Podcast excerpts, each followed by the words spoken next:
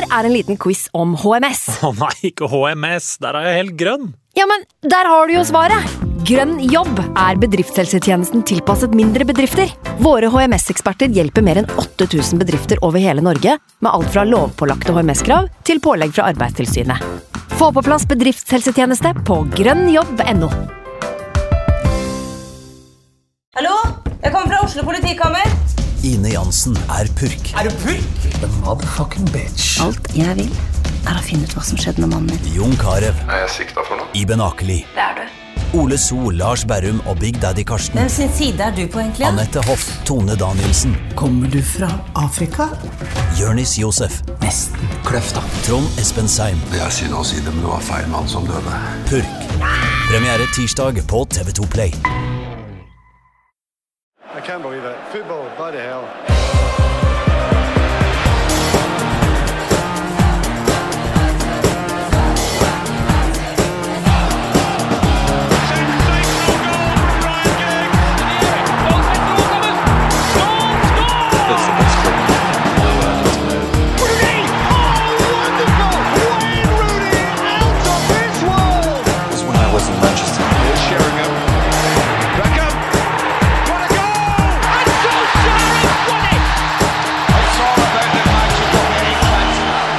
Velkommen til en ny episode av United We Podcast. Det skjer sjuke ting med fotballen vår, eh, folkens.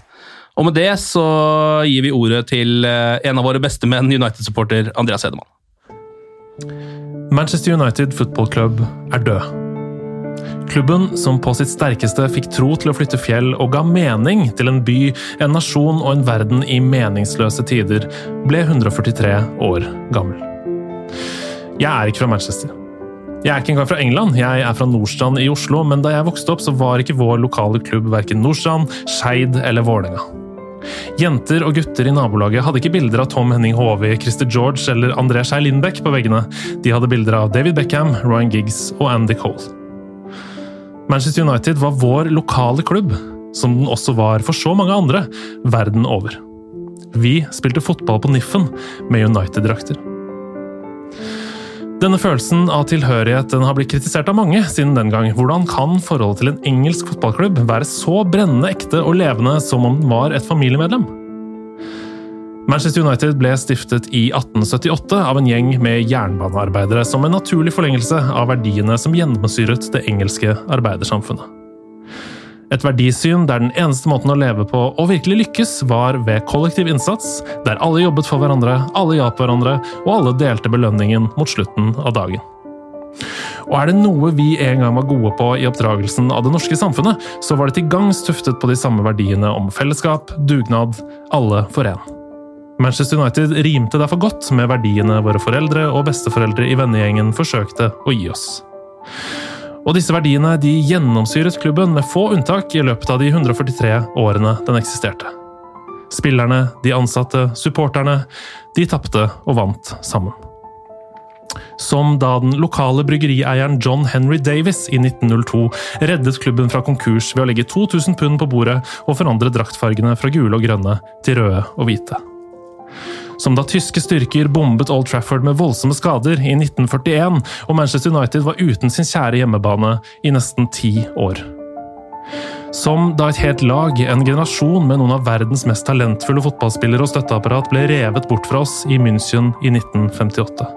Et lag som kjempet og døde for retten til å hevde seg mot de beste i Europa.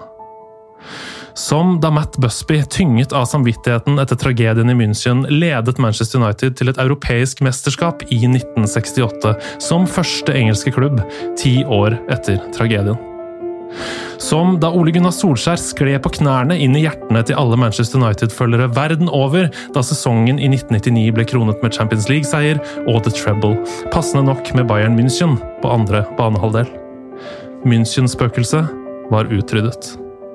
Og som i siste seriekamp mot Sunderland i 2012, da Manchester United tapte ligakullet på overtid, og sir Alex Fergusons eneste ord var 'glem aldri denne følelsen'. Aldri la det skje igjen. Året etter vant Manchester United Premier League på nytt.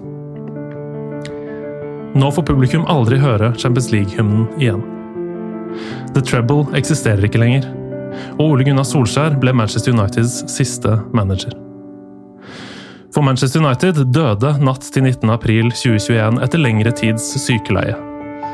Klubben ble smittet av den dødelige sykdommen grådighet i mai 2005, men har ved hjelp av moderne PR-strategi og stamceller fra ansatte og spillere med genuin kjærlighet til klubbens historie og verdier fått et forlenget og rikt liv under amerikansk eie. Nå er det altså slutt. Med et pennestrøk er Davids kamp mot Goliat over. Med et pennestrøk er laget som kjempet og døde for retten til å konkurrere i Europa, nettopp fordi de visste at de var best målt i ferdigheter, glemt. Kastet til side i bytte mot penger og kapital av eiere som ikke vet noe om verken Manchester by eller solidaritet, og som ikke har vært på Old Trafford på to år. Manchester United Football Club er død. Igjen sitter gamle unge over hele verden, samlet i sorgen over minnet om klubben som en gang var. Tusen takk for det, Andreas. Eh, Eivind Brennhovd Holt er også med oss i United Podcast i dag. Hallo, Eivind. Hallo, hallo. Det er jo ikke noe tvil om at uh, ordet Superligaen engasjerer, skaper veldig sterke følelser. Som Andreas uh, sier, det har ikke noe å si hvor du bor, så lenge du er Manchester United-supporter. Når dette kommer på bordet, så merker man at den lidenskapen er ekte. Er, det er ikke noe kødd, det er ikke noe man bare ser på TV, det er noe man kjenner inn i hjertet. Mm. Um, hva tenker du? Jeg tenker at dette var riktig episode å få inn Andreas Hedemann eh, på. Mm. En veldig eh, flott og litt trist, selvfølgelig, start på podkasten. Det er på mange måter, mange måter flaut å være United-supporter med tanke på det bildet Andreas tegner her. Samtidig så merker jeg nå sånn 35 eh, timer etter at det her blei annonsert, at jeg sitter her og er stolt på vegne av United-fansen. Måten de har mobilisert på, og hvordan det ikke var et fnugg av tvil eh, om hvor vi skulle stå. For det hadde vært veldig lett for mange å sette seg på gjerdet og se ok, jeg må se hva sier Gary Neville. Mm. Eh, hvordan responderer Uefa? Hva sier Solskjær etter den kampen mot Burnley? Det var ikke snakk om! Det var umiddelbar eh, unison motstand mot et forslag som rett og slett er i ferd med å drepe fotballen. Eh, og jeg har fått så mange henvendelser fra supportere som sier at jeg melder meg ut av supporterklubben hvis det her blir en realitet. Mm. Det er kjempetrist å høre, men det er på samme måte Det viser da hvor stort det sviket her føles for fansen. Og det syns jeg vi, i all den tristheten her, det, det, må vi ta med oss. Mm. At i den grådighetskulturen her eh, Altså fotballen i dag, den, man kan si mye om den, men fansen her syns jeg kommer veldig godt ut av det.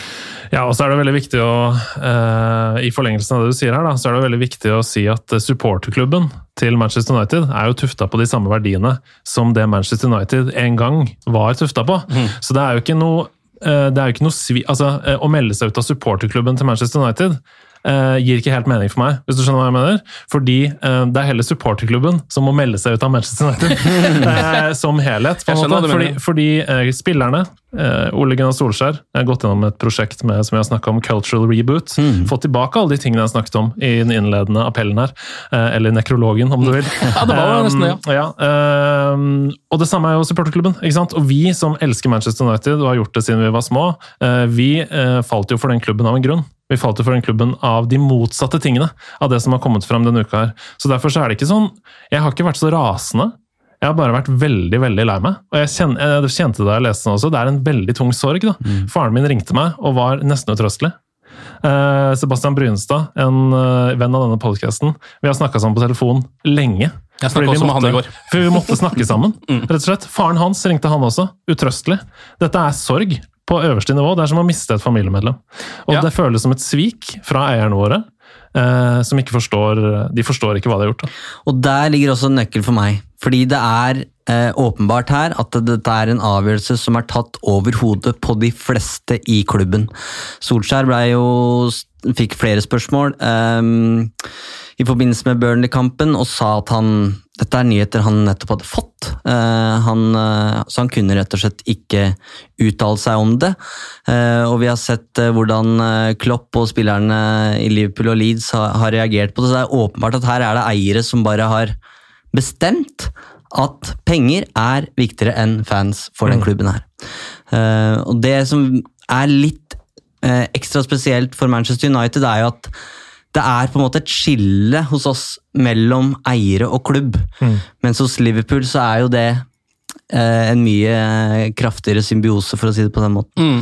Så det er, gjør det litt spesielt, og den motstanden mot Glazer kommer jo nå, om mulig, da, til å bare øke ytterligere. Det er, jo, ja, eh, det er jo mange forskjellige nivåer man kan diskutere dette på. Eh, Vi tenker jo at vi skal kanskje prøve å komme innom eh, de fleste av de innenfor de rammene vi har, altså det vi allerede vet om.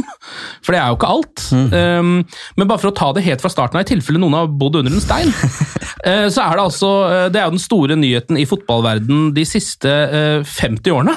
Altså Det er en helt sjuk nyhet. Jeg trodde aldri dette skulle på en måte skje i min levetid-aktig ting. Selv om vi har hørt om denne superligaen uh, og litt sånn småhvisking om den veldig lenge, så Men kom det liksom- allikevel veldig brått. Ja, for det er sånn, Vi har hørt om Loch Ness-monsteret, på en måte. Men Ja. hvis det hadde skjedd, så hadde folk bare Ok, stopp. Oh, ja. Stopp Ja, ja, verden. stopp det er et monster nedi en sjø! Vi har hørt rykter om dette, men nå, det- se på det! Nå er det der! Det er der! Det er der Vi har bilder! Ja, ja, vi har bilder av det. Det kom jo veldig plutselig, må jeg si, som du sier, Ken. Da, vi har jo skrevet om det på united.no lenge, men når du leser om sånne prosjektskisser og sånne ting om sånne turneringer, så tenker jeg ja, ja, det er ti år til, liksom. Det trenger vi ikke å ta standpunkt i nå. Ja. Men du ser hva som skjer når det ikke er Uefa som skal gjennom 100 komiteer, og det skal luftes for ulike forbund. Dette er Peres og hans kamerater i eh, Europa som bare setter seg ned og spikrer det og sier ja, nei, men da kjører vi det her ut om en måned. Det er, Ja. det er, fordi det er de som bestemmer. Så Derfor så kunne de sende ut den uttalelsen på søndag, og, og nå sier de at nei, men vi, vi starter i august, vi, hvis vi kan det. Ja. Og det er eh, litt sånn faren her, da, fordi det er noen som bestemmer, og det er de som har all makt, og da kan avgjørelser tas veldig raskt. Det er snakk om tolv eh, lag. United er et av de, eller en av klubbene som skal være grunnlegger da, for denne europeiske superligaen. Det er Liverpool, Chelsea, Spurs i tillegg, Arsenal, Inter, AC Milan, Juve, Barca Real og Atletico. Og Så skal de vel da ha med noen lag som skal kvalifisere seg etter hvert, og så er det vel noen lag som ikke er på plass. De kommer jo til å prøve å få med seg PSG og Bayern på dette, det er alle 100 sikre på.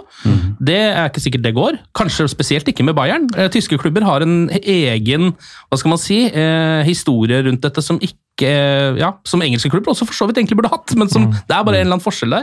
Ja, det er jo denne 50-49-regelen Ja. som gjør at uh, fansen er nødt til å sitte med aksjemajoritet i klubbene. Som gjør at uh, de vil aldri være med på dette her, fordi fansen vil selvfølgelig stemme imot. ja. uh, åpenbart. Og Borussia Dortmund-sjefen var ute og sa at vi kommer aldri til å være med på dette. Og våre holdninger til dette er fullstendig forenlige med presidenten i Bayern München, sa også Borussia Dortmund. Så de gikk på langt vei avkreftet at Bayern München også ville være en del av det da, eh, fremover. Og så kan vi jo prøve å se litt på ulike ting her. Jeg tror en del av grunnen til at dette har eh, hva skal man si, sjokkert såpass mye, er jo um, de potensielle sanksjonene fra Uefa og Fifa også.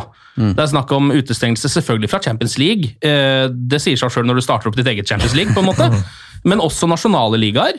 eh, Og også utestengelse fra landslag for spillere som eventuelt skal spille dette. Det er det, det, er det vi har hørt til nå. Eh, Som for meg virker ganske reelt, Ja, for å være helt ærlig. Foreløpig er det en tissekonkurranse, for Ja. å være helt ærlig. Eh, og jeg har aldri vært så Jeg har aldri vært borti en tissekonkurranse hvor den ene parten er så sikker, og den andre parten også er så sikker. Ja. Den ene parten sier de kommer til å bli utestengt. Ja. Det er ikke noe tvil. Altså, bare les det svart på hvitt. De kommer til å bli utestengt. Det er, ikke noe, det er ikke noe tvil. Og den andre parten sier de kommer ikke til å bli utestengt. Mm.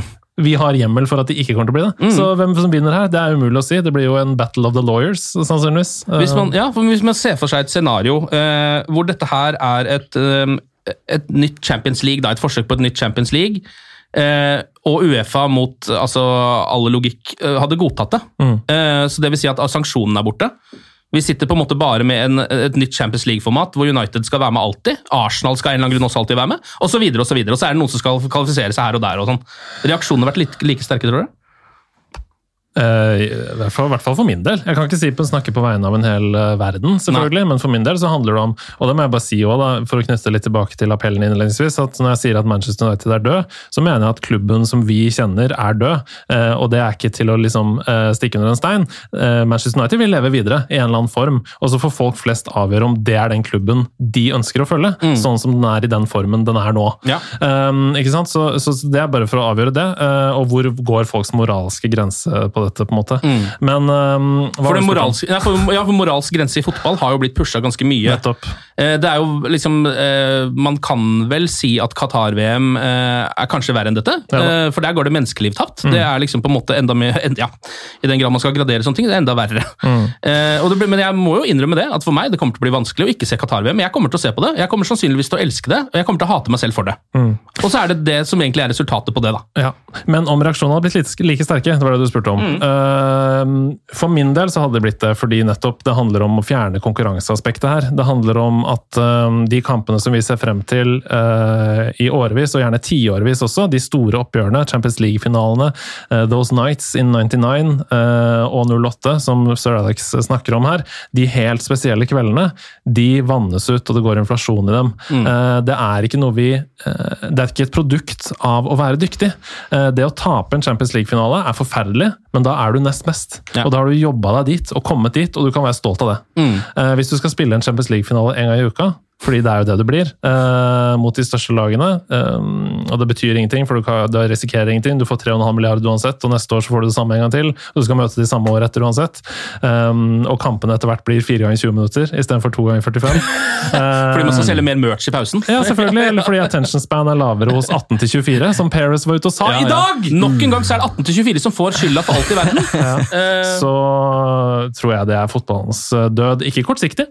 For jeg tenker at uh, vi kommer til å få masse sponsoravtaler, og det kommer til å bli en enorm vekst og sånt å begynne med, men så daler interessen, og så Ja, jeg bare sier det. NBA-finalen i år er de lavest sette noensinne.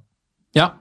Ehm, men altså, det, fordi det er på en måte det er, jo, ja, det er så mange forskjellige ting man må snakke om her. Den, ehm, den ene tingen er jo altså, hva, Hvordan skal dette stoppes nå? Er det et lite supporteropprør på gang? Eller ikke så lite heller. Uh, kanskje det kraftigste jeg har på en måte vært med på, fordi det er supportere fra absolutt hele Europa som har samla seg for en gangs skyld. Vi står hånd i hånd med Liverpool-supportere og City-supportere på en eller annen merkelig måte nå. Um, og så har du spillerne oppi det, og du har managerne. Um, og hvis man skal liksom på en måte rangere de, så må man vel si at vi ligger helt nederst. Vi er grasrota, liksom. Uh, oss fans. Over der har du spillerne, over der har du manageren, og så er det de som styrer hele sjappa over der igjen.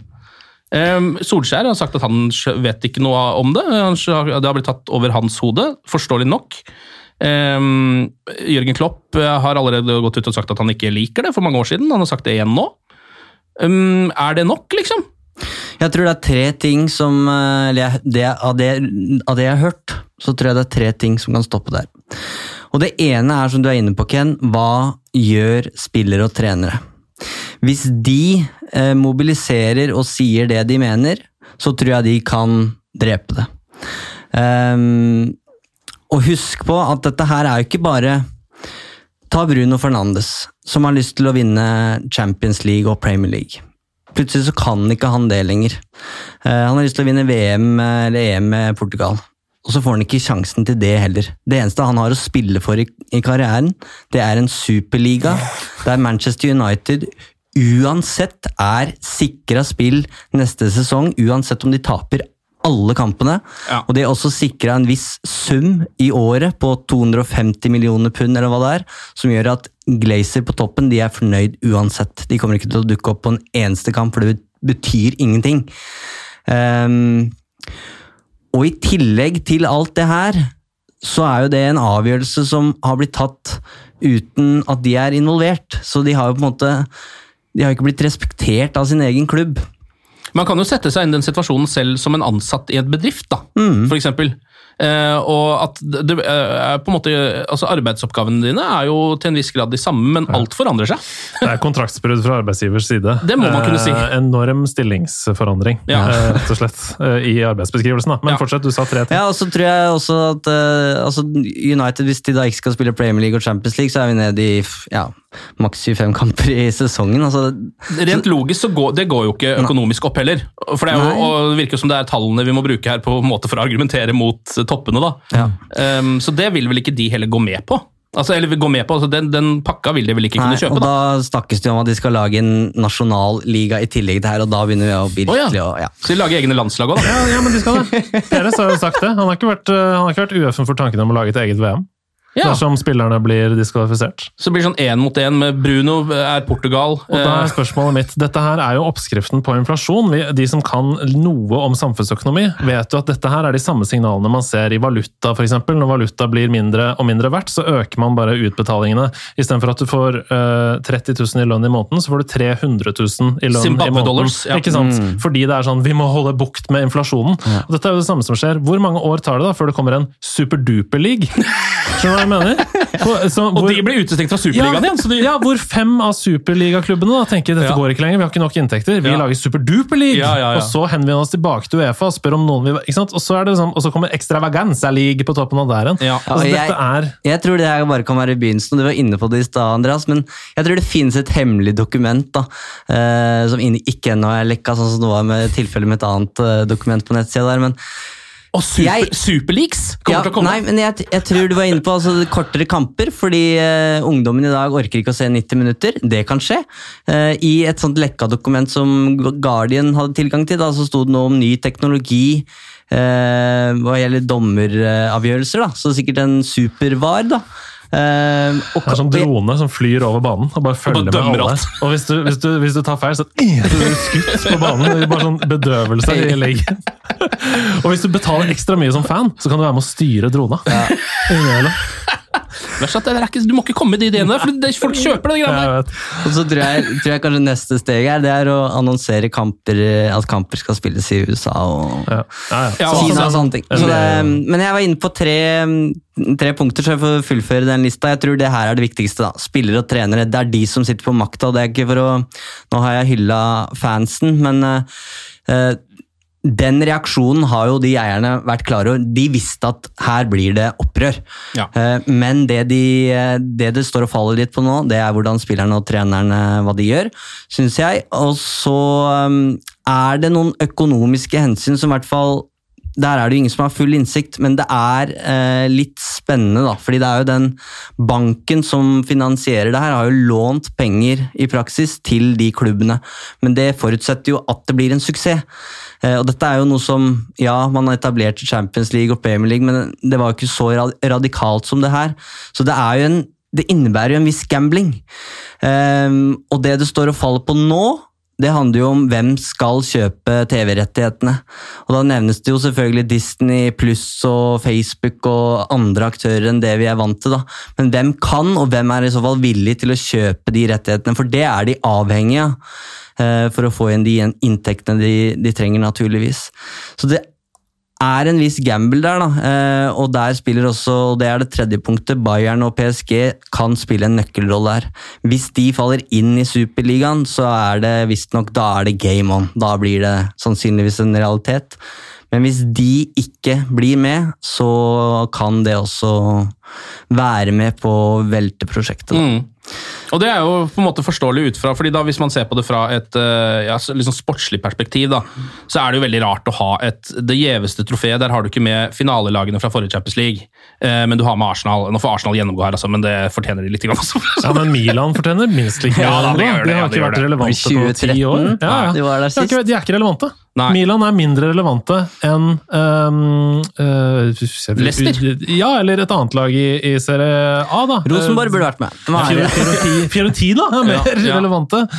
Nei, det er helt krise. Men, men vi må dvele litt ved dette 18-24-segmentet som vi snakket om litt eh, i sted. Ehm, det å forandre fotballen for å eh, tekkes en ny målgruppe, det er jo et berømt eh, sitat som heter 'survival of the fittest'. Altså den mest tilpasningsdyktige overlever, og det handler om å tilpasse seg forandringer i samfunnet. Kulturelle forandringer, vi setter på lineære TV-kanaler små må mm. over på strømmetjenester etc. Sånt skjer hele tiden. Samfunnet utvikler seg, vi må Men her er jeg nødt til å trekke en parallell.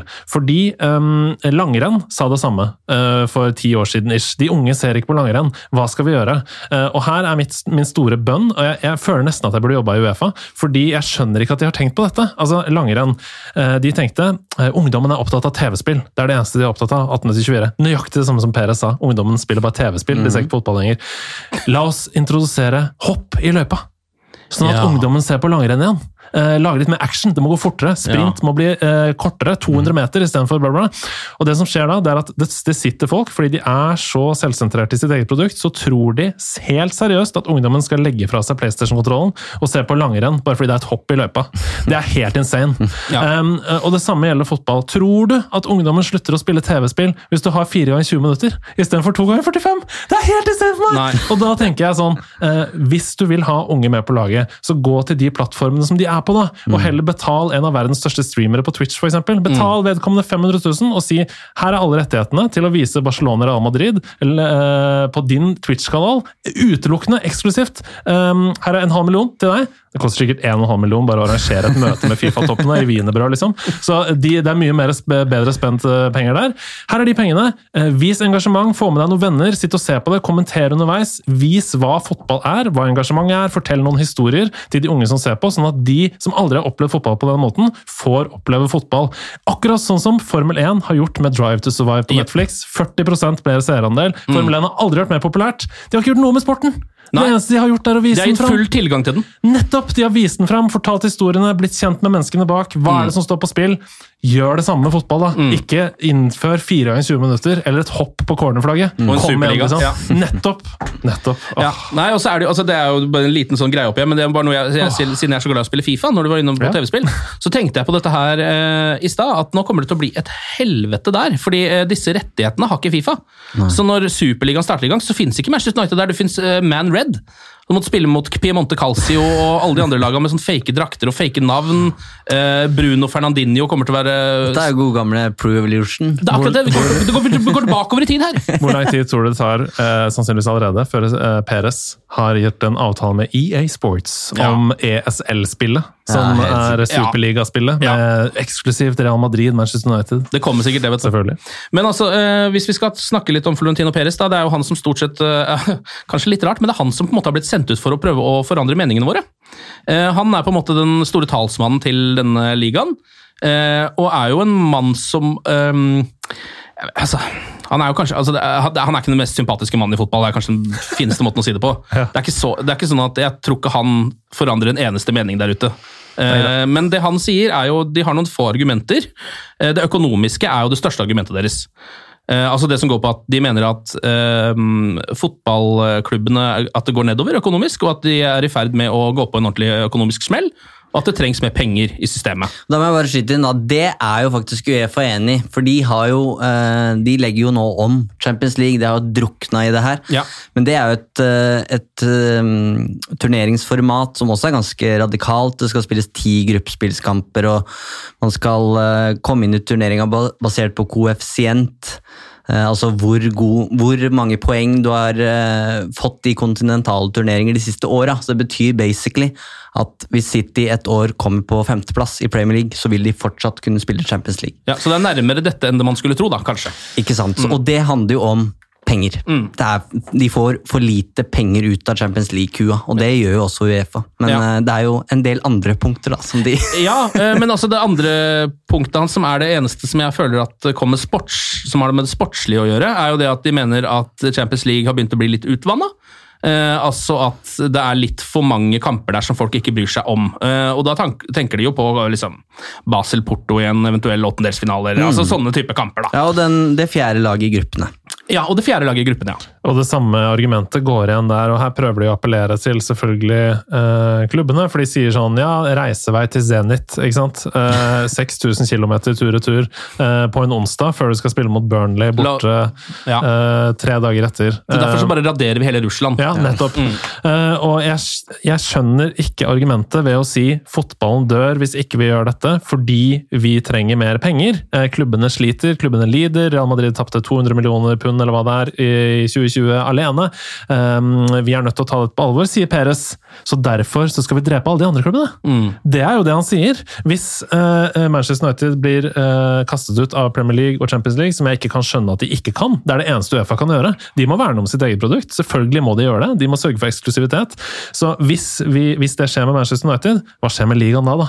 Ligaen blir jo eh, ligacupen. Altså, den er jo ikke noe interessant lenger for noen. Eh, og, og det samme skjer hvis vi ikke blir kasta ut. Så ser det i hvert fall. For da er det sånn, du skal spille mot Real Madrid på onsdag. Hvem er det du stiller opp med mot Newcastle på lørdag? Det blir Bruno Fernandes på onsdag Ja, ja. og, og James Garner på, på lørdag. Du kan komme på tolvteplass 20 år på rad, og du har ingenting å si. å si. Har ikke en dritt å si. Med andre ord eh, så blir TV-rettighetene mye mindre verdt, og alle klubbene blir utradert. Vi har sett det i NBA, jeg skal snart slutte å snakke, men vi har sett det i NBA at det er store pools av eh, steder, hovedsteder, som har én klubb som alle i nærheten eh, flokker seg rundt. Um, se på London. London kommer til å ha Tottenham, Arsenal og Chelsea, og det er de tre klubbene du kan velge mellom i London. Crystal Palace, Westham, Brentford, eh, alle disse klubbene forsvinner, for det er ikke noe, altså det er ikke noe tilhørighet lenger. Liverpool kommer ikke til å være Everton og Liverpool, det er bare Liverpool. Samme hvor du vokser opp i Liverpool, så må du bare støtte Liverpool. Og sånn kommer det til å være over hele England, helt til det bare er 15 klubber igjen, da, som i NBA. Hvor mange klubber er det i systemet? 31 eller noe sånt? I, et, I et kontinent! Det er 31 klubber i et helt kontinent. Ja. Ja, jeg skulle egentlig bare dra poenget ditt videre, Andreas. Du nevnte Formel 1 i stad, og det, det blir Formel 1 mot Formel 2.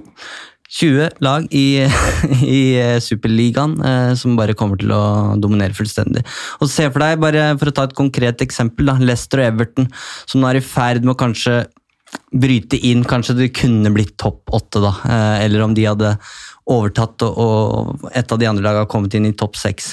Everton har nå ny stadion som liksom er bygd for Champions League. Eh, hva skjer med den investeringa eh, når bare Champions League er borte?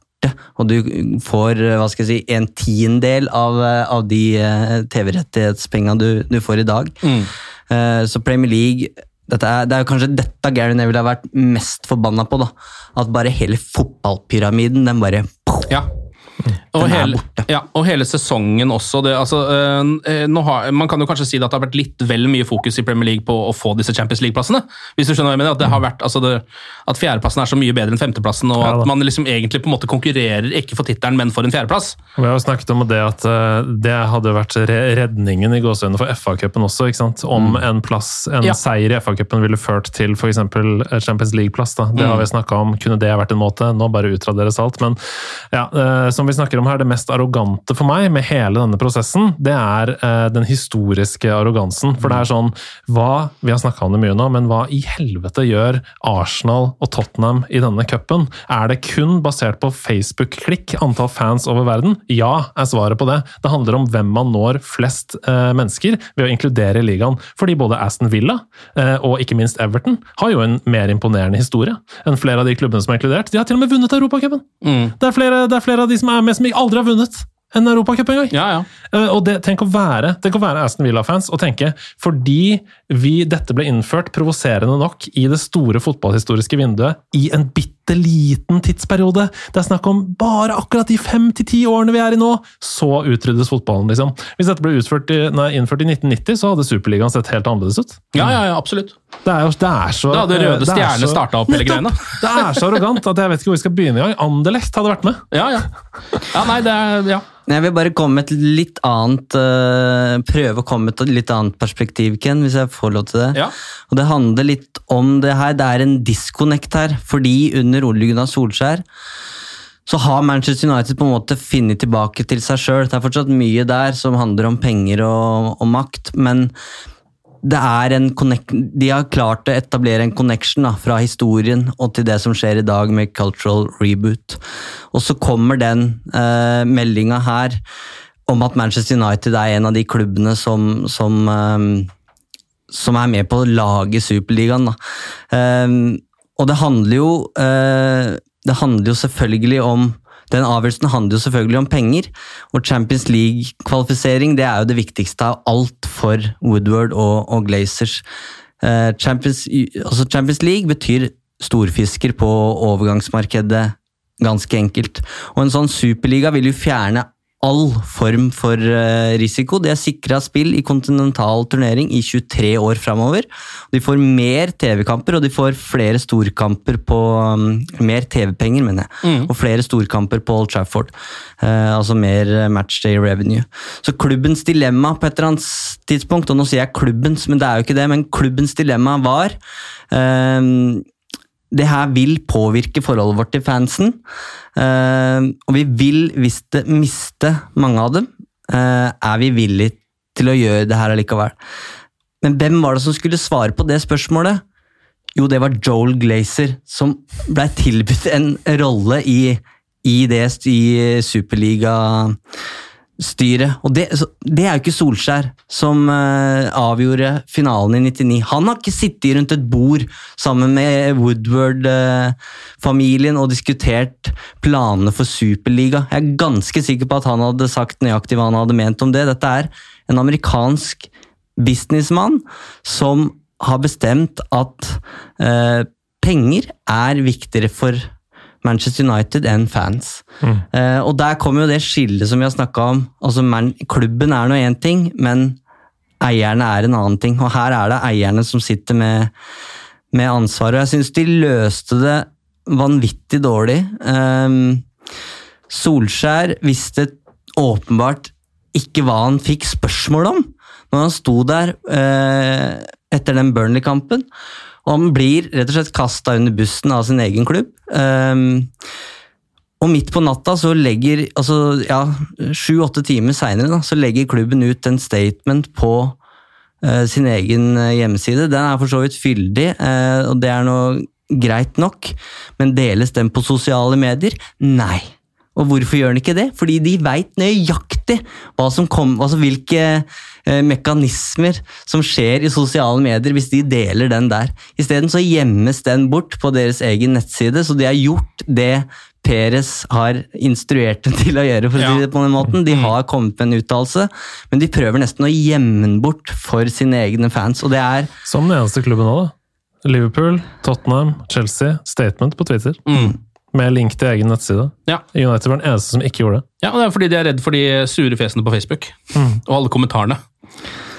Ja, og det er, det er redd, for, ja, redd for virkeligheten, da, kan man jo kanskje si.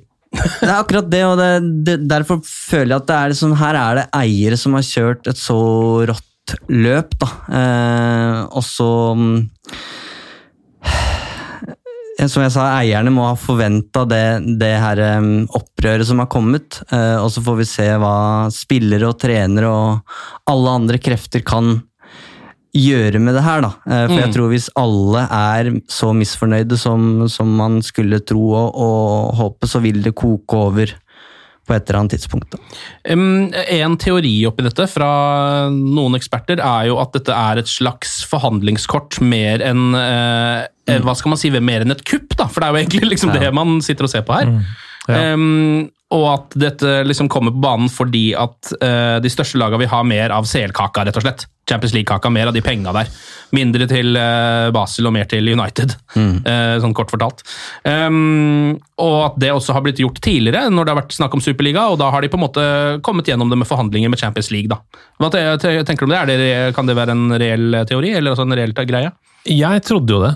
Ja. Altså Jeg var ganske sikker på det. Da de, begynte, måte, de første ryktene begynte å komme, sånn, så tenkte jeg sånn, ok, dette er bare en sånn som vi har sett før, en kontrollert lik Ja. for å se eh, reaksjonene. Mm. Eh, og så bruker vi det som forhandlingskort inn mot, eh, inn mot Uefa. Vi har sett det i mye eh, mindre skala før, når Cristiano Ronaldo for eksempel, sier at han skal til Manchester United, og så får Ja. han en ny kontrakt i, med, med mye høyere lønn isteden. Det er nøyaktig det samme. Mm. En kontrollert lik, og så prøver man å se. Men nå har det gått for langt. Eh, Det er både sånn at Uefa har altså alle medlemmene i Champions League, og EFC heter det vel, European Football et eller annet, de har signert for den nye uh, Champions League-varianten. Med andre ord er det for sent å negotiate rundt den dealen, for det er det som er grunnen her. De er misfornøyd med dette nye systemet. ikke sant? De er misfornøyd med at flere klubber og flere kamper, men mindre igjen til uh, de toppklubbene. Og uh, Perez sier det jo rett ut også. Uh, This deal is on.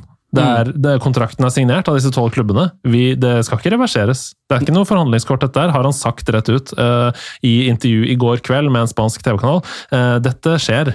Og da blir jeg sånn um, da er det jo løgn, da, på en måte, hvis de nå bruker det som forhandlingskort. Nå er det mange som har lyvet, løyet i denne prosessen. Ja. Det, har vi jo, det har vært slanger eh, omtalt. Eh, presidenten til Juventus blant annet, har blitt omtalt som en slange. Ehm, det samme med Ed Woodward. Uh, og, og det er litt sånn Og han eh, kunne jo heller ikke sagt ja, det er bare et forhandlingskort. Nei, nettopp. skal- ja. nettopp. Uh, så da blir det jo en enorm backtracking nå, da. Og da tenker jeg på toppen av det, hvis det skulle vise seg å være en enorm backtracking Hvis de går tilbake på dette, vi avlyser dette, vi har blitt enige med Uefa om å legge, skrinlegge planene, eh, bla, bla, bla.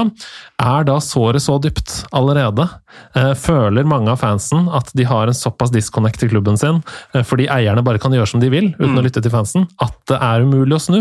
Er det mange som allerede har lagt på røret, på en måte, og skrevet mail til Manchester United, meldt seg av medlemslister, uh, unliket sosiale medier og bestemt seg for å følge uh, norsk fotball mm. følgende sesongen, eller um, en annen klubb i enda verre uh, lenger ned i ligasystemet, Ipswich. Jeg så mange Ali Sofi, som vi er glad i her, gikk ut og skulle begynne å følge Sheffield Wednesday. Eh, nå, det er liksom Er det for seint, da? Er kniven så dypt at det ikke går an å lege såret uten å ha arr for resten av livet? Ja. Det beste mm, brevet jeg har sett som har vært sendt til Manchester United da, de, siste, de siste to dagene, det var fra en supporter som eh, ville si opp sesongkortet sitt.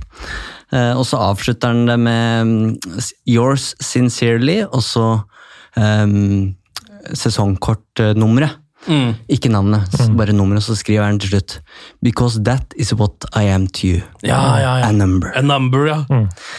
Og Det er nok er jo sånn mange føler seg, men jeg, nå har jeg hylla, hylla jeg fansen for at de ikke skulle sitte på gjerdet, men ikke meld dere inn i supporterklubben til Salford helt ennå, tenker jeg. Altså, vi må sitte litt rolig i, i båten her og håpe, men det Jeg har tross alt ikke spilt en kamp ennå i denne superligaen. Så det er sånn, vi, vi eh, som du sier, da, ikke, ikke gå helt eh, mann av huset allerede. Dersom dette blir en realitet, dersom United blir kasta ut av Premier League, Champions League, og vi, vi ser på en sesong hvor vi skal spille 25 kamper i Superligaen, da kan du ta avgjørelsen, tenker jeg. Men, men inntil videre er dette um, tomme trusler. da. Nå gjør jeg veldig tydelige eh, gåseøyne her. eh, og det vi snakker om, er jo dersom at det, hvis om at det, dette kommer til å skje. Ja, men det tegnes jo et bilde at det her er en nuclear war, Absolutt. og at de to atomvåpnene de er i lufta, liksom. De passerer hverandre snart, og da er det jo, er det jo for seint. Men uh, vi får se. Ja, vi får se. Eh, Det er jo også mye man kan på en måte også spekulere i her. Den ene tingen er jo um, altså vi, Det er jo klart at hvis det hadde vært tomme tribuner under hele Superligaen, pandemien er borte, og det er fortsatt tomme tribuner, så vil jo det være et signal, og det er kanskje liksom det vil påvirke noe, da, fordi det er jo det siste de vil ha. Eh, både fordi det ikke er økonomisk bra, og det ser veldig veldig dårlig ut. Eh, så har det jo på en måte sånn sett så er det jo veldig smart av de å prøve å sette i gang dette så fort som mulig, fordi eh, kommer i august, da, verden eller Europa begynner å åpnes opp litt, kanskje man kan gå på fotballkamp igjen. Det blir vanskelig for fotballsupportere selv som hater dette, å ikke gå på den kampen. Skjønner du hva jeg mener? Altså, det, er, eh, det er et eller annet med timinga her også som er veldig Og for oss, da, sammenlignet med 2005, hvor United hadde på en måte, eller United-supporter i Manchester hadde på en måte samme dilemma, da. Men nå er det så mye mer tydelig, det er så mye mer håndfast. Altså, ja, Glazers var inne som, som, eh, eh, som en eier, men hvis du gikk på Old Trafford, så var det var ikke noen forskjell der. Det var jo fortsatt Alex Ferguson var manager, og, Ryan Giggs spilte venstrekant, liksom. Mens nå det en, kan det jo da være en helt ny fotballhverdag eh, allerede i høst, som, som vil for mange være så Det vil jo være så angrep på de som ja, deres supporteridentitet, da. Så det vil være umulig. Ja, det er som eh, det har vært snakket om mye de siste døgnene. Hvor går den moralske grensen din? På en måte. Uh, og da, Nå snakker jeg til deg som hører på. Du ene personen som sitter og hører på nå. Hvor går din grense? Det er det bare du som vet. på en måte. Og jeg syns ingen skal fordømmes da, dersom de velger å si at her går min grense. Eh, takk for eh, 30 år Manchester United, 40 år, 50 år. Eh, fantastisk eh, å følge dere, men dere er ikke klubben som jeg ble glad i lenger.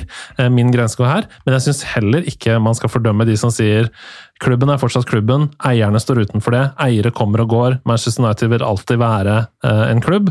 Derfor så står jeg her nå i denne vanskelige tiden i klubbens historie. Eh, ikke fordøm dem heller, det er et valg du må gjøre selv.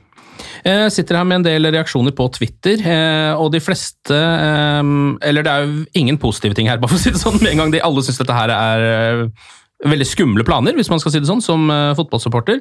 Noen ting jeg syns er litt interessant å kanskje ta opp her, eh, blant annet Stig, eh, som skriver kan det komme noe positivt ut av det? Og da skriver han hvis superklubbene mislykkes, kan det være starten på slutten for de rikes eierskap i disse klubbene? Det er jo en gamble de gjør her. Der må det jo skje noe, og det, det er jo også Nå husker jeg ikke hvem, hvem av de som har uttalt som har vært innom det her, men vi skulle jo ikke vært der. Fordi det skulle vært satt en stopper. Fotballen skulle vært beskytta mot seg sjøl. Etter 2005 så skulle det kommet tiltak fra om det var myndighetene i England eller fotballforbundet som gjorde at det, er, at det ikke kunne gå så mye lenger da, enn det det har, eh, det det har gjort. Eh, og det er klart, Hvis et sånt prosjekt eh, mislykkes, så må det jo tas grep. Men så er spørsmålet da hvor er det en vei tilbake? Er det en vei tilbake for Manchester United, tilbake i Premier League, tilbake i en Uefa-turnering på en måte i det hele tatt? Mm. Eller er det bare nei? Sorry, her er døra, den brua der er brent. Døra er lukket. Dere får finne på en annen turnering, da. Ja, ny en. Ja. Bli i Eh, Norway Cup, liksom. Det er jo litt som Christian også skriver på Twitter her. Hva om eh, altså at alle står på sitt eh, i denne situasjonen? Dvs. Si at det blir en superliga, eh, og alle disse sanksjonene også trår i kraft. da. Og så funker ikke denne superligaen fordi fans ikke vil komme. Eh, som han skriver, Dette er et scenario, da. Vil man da, eh, Hvis man vil inn i ligasystemet igjen, begynner man da i sjette divisjon? Da kan det jo bli gøy! Ja, men alt dette er hypoteser, ikke sant? Ja. Og det er, sånn, eh, det er jo mange også som har henvendt seg til eh, og tenkt sånn Hvis man blir utestengt av Premier League, kan man da spille i Championship istedenfor å spille i Premier League, f.eks.? Mm. Er varemerket sånn at det er den ligaen som er beskytta? Dette vet vi ikke. Nei. Vi vet ikke nok om jussen her. De som har satt i gang Superligaen, mener jo at de har belegg for å gjøre dette uten noen konsekvenser, mens de som uh, står på utsiden, Uefa, mener at det får uh, brutale konsekvenser. Så dette blir tolkning av jussen, og det kommer til å bli advokatkrig. ass. Mm. Jeg vet ikke om det her er noe vi har nok kunnskap til å snakke om, men Ruben lurer på om vi kan beskrive et slags best og worst case-scenario, altså eller eventuelt hva som er mest sannsynlig utfall også. Og det er jo veldig veldig vanskelig. Jeg har en, hatt en sånn slags tanke lenge om at uh, mest sannsynlig utfall er en slags bastardløsning, som de kaller det. Det vil si at eh, disse lagene fortsetter å spille i Premier League osv., men at det kommer til å skje noe med Champions League. Er det på en måte det jeg sitter igjen med som en sånn Men eh, som, samtidig, kanskje det har gått for langt for det. Eh, Så ja, jeg vet ikke. Det, hva tenker dere? Har dere noe som helst teori på det? Bare Det jeg tenker er at 2021 eh, kommer nok til å stå igjen som et år, eh, akkurat som 1992, da Premier League ble etablert. Kanskje til og med den mandagen vi var gjennom i går, får et eget navn. Fordi det, konsekven, det blir konsekvenser her uansett hva som skjer, da.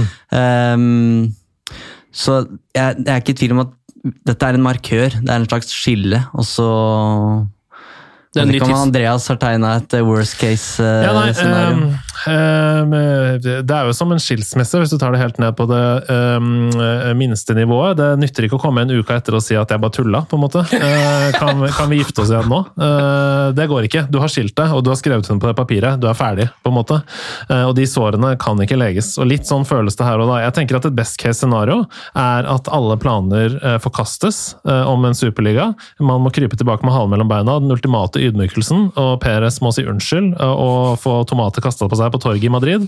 Um, og det er sånn, og alt går tilbake til normalen, i gåseøynene her. Ja. Sånn at uh, ny Champions League blir gjennomført som vanlig, etc. Og uh, dersom uh, toppklubbene sliter så mye som de sier, da, med inntekter, ja, da får man appellere til um, kjerne, kjernen i fansen sin og si nå må dere redde klubben vår på en eller annen måte.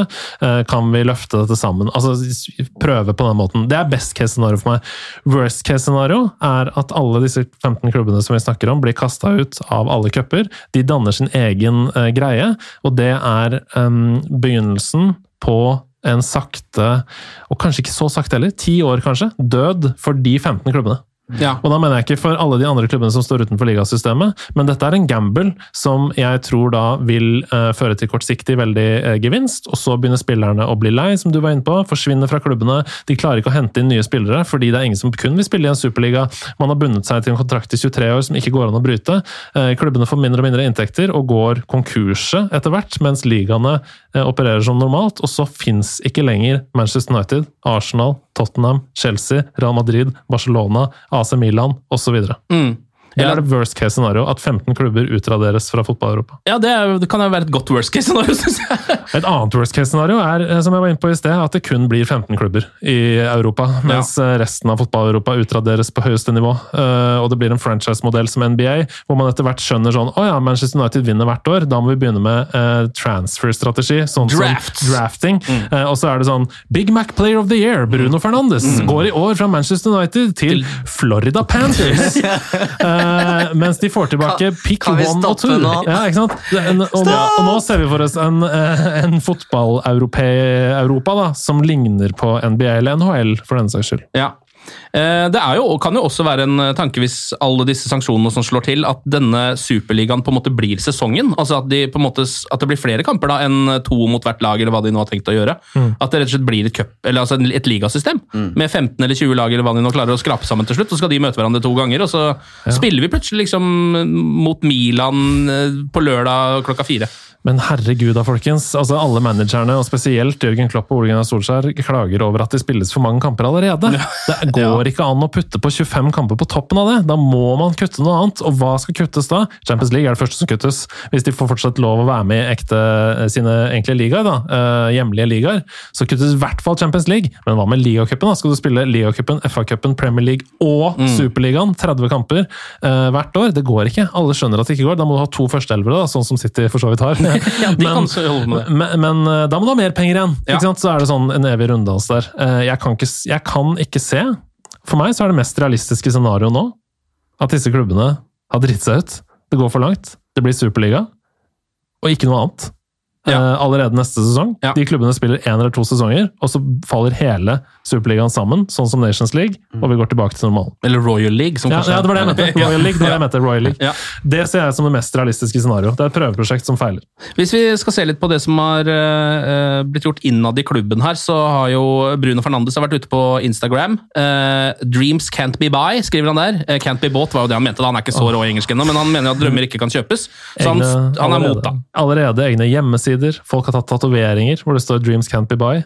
Eh, Det er merch-salg over hele nettet med T-skjorter hvor det står 'Dreams can't be by', hvor man har bare tatt den fonten til, Ja. til det bildet, som er sånn Comic Sans eller Ja. sånt. og Bruno bruker Comic. Sans. Ja, ja, og det har blitt en slags bevegelse, sånn som uh, populærkulturreferanse. Hun Girl in Red, som er en norsk artist, eh, lesbiske og bifile over hele Europa, sier nå 'Do you listen to Girl in Red?' som en sånn markør på å kunne si 'jeg er' bifil Ja, eller ja, ja. lesbisk, uten å avsløre det. da, Sånn at de som vet, de vet. Det er litt det samme. Folk går rundt med T-skjorter nå hvor det står 'Dreams can't be by', uten noe mer forklaring, som en støtte til uh, Superligaen. Så var vel også uh, vår kaptein Harry Maguire kritisk i et møte nå nylig med Woodward. Uh, så da han har fortalt om dette, og mener jo da at de har gått bak spillernes rygg, noe de har gjort. Eh, så ja.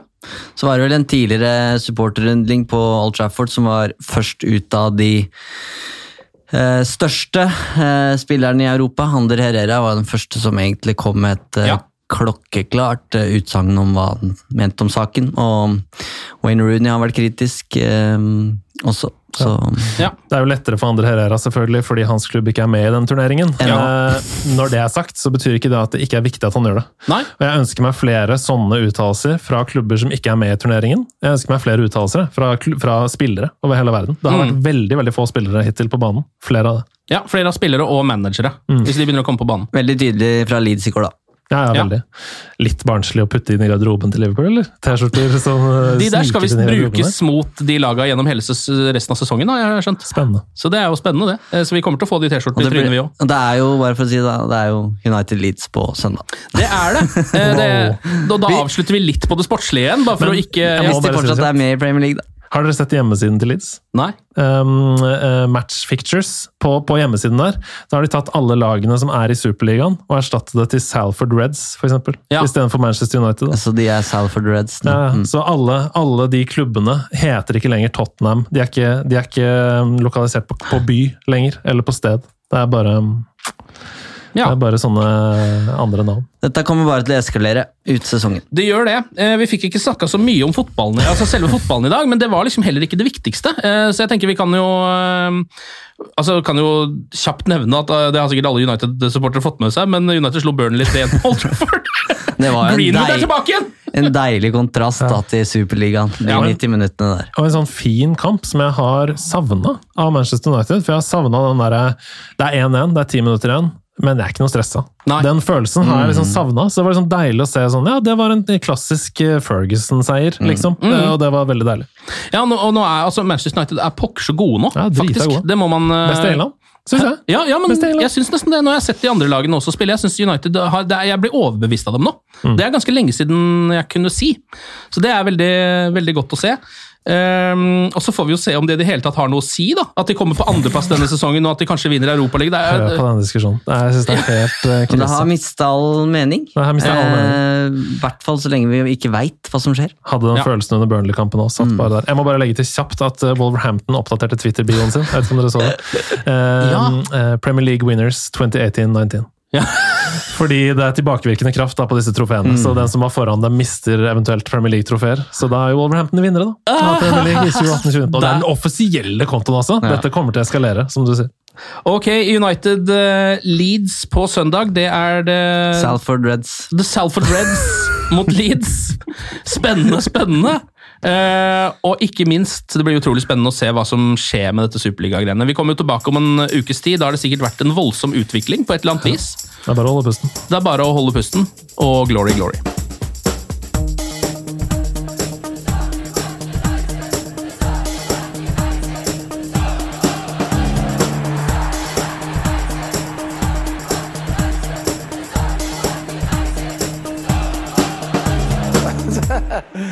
True.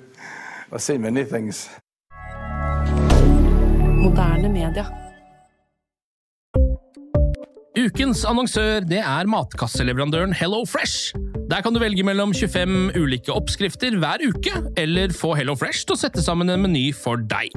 Jeg sparer tid på å handle, oppskriftene er veldig enkle å lage, og så får jeg akkurat det jeg trenger da, til hver eneste rett, så jeg slipper å kaste så mye mat som jeg vanligvis gjør. Det er også litt deilig å faktisk slippe å gå på butikken, ikke bare fordi det er tidkrevende og sånn, men fordi man ender opp med å kjøpe så mye greier som man egentlig ikke trenger, sånn som fire poser eh, Smash og en kick med havsalt, eksempel. Det er ikke det du egentlig er der for, du er der for å kjøpe, kjøpe middag. Så det er en veldig eh, kjekk ting. I tillegg så er det jo eh, ferdigporsjonerte ingredienser, det blir mindre matsvinn, og du betaler bare for det du faktisk trenger, og det du faktisk da spiser. I tillegg så blir det da levert på døra, til et eh, fastsatt tidspunkt, sånn at du kan få det akkurat når det passer for deg eh, sjæl. Hvis HelloFresh høres ut som noe for deg, så har jeg en rabattkode du kan bruke også. Gå inn på hellofresh.no og bruk koden HelloUnited24. HelloUnited i ett ord, også 24, og få opptil 1779 kroner i rabatt på de fem første matkassene dine hvis du ikke har prøvd HelloFresh ennå. Du kan også bruke koden hvis du tidligere har vært kunde, men har stoppa abonnementet ditt for tolv måneder siden eller mer. Det er ingen bindingstid, og du kan pause eller avslutte abonnementet ditt akkurat når du selv måtte ønske. Husk koden HelloUnited24, og bon appétit! Ukens annonsør er Folio, en smartere banktjeneste for deg som har en egen bedrift eller ønsker å starte for deg selv. Folio er en superenkel nettbank for bedrifter. Som kunde i Folio får du en bedriftskonto med et bedriftskort og app. I denne appen er det smarte løsninger som forenkler regnskapet ditt, uansett om du har en liten bedrift eller et enkeltpersonsforetak. Folio er både intuitivt og brukervennlig, og er laget med et enkelt språk. I tillegg tilbyr de forutsigbare priser og ingen skjulte gebyrer. Skulle du likevel trenge det, så kan du snakke med deres raske og hyggelige kundeservice, og der får du prate med en faktisk person og ikke en chatbot. Folio er med andre ord både enklere og koseligere enn banken. Over 10 000 bedrifter har allerede valgt Folio som sin banktjeneste, så besøk folio.no og se hvordan Folio kan forenkle din hverdag også. Har du et enkeltpersonforetak eller en liten bedrift? Da er du sikkert lei av å høre meg snakke om hvor enkelt det er med kvitteringer og bilag i fiken, så vi eh, gir oss her, vi. Fordi vi liker enkelt. Fiken superenkelt regnskap.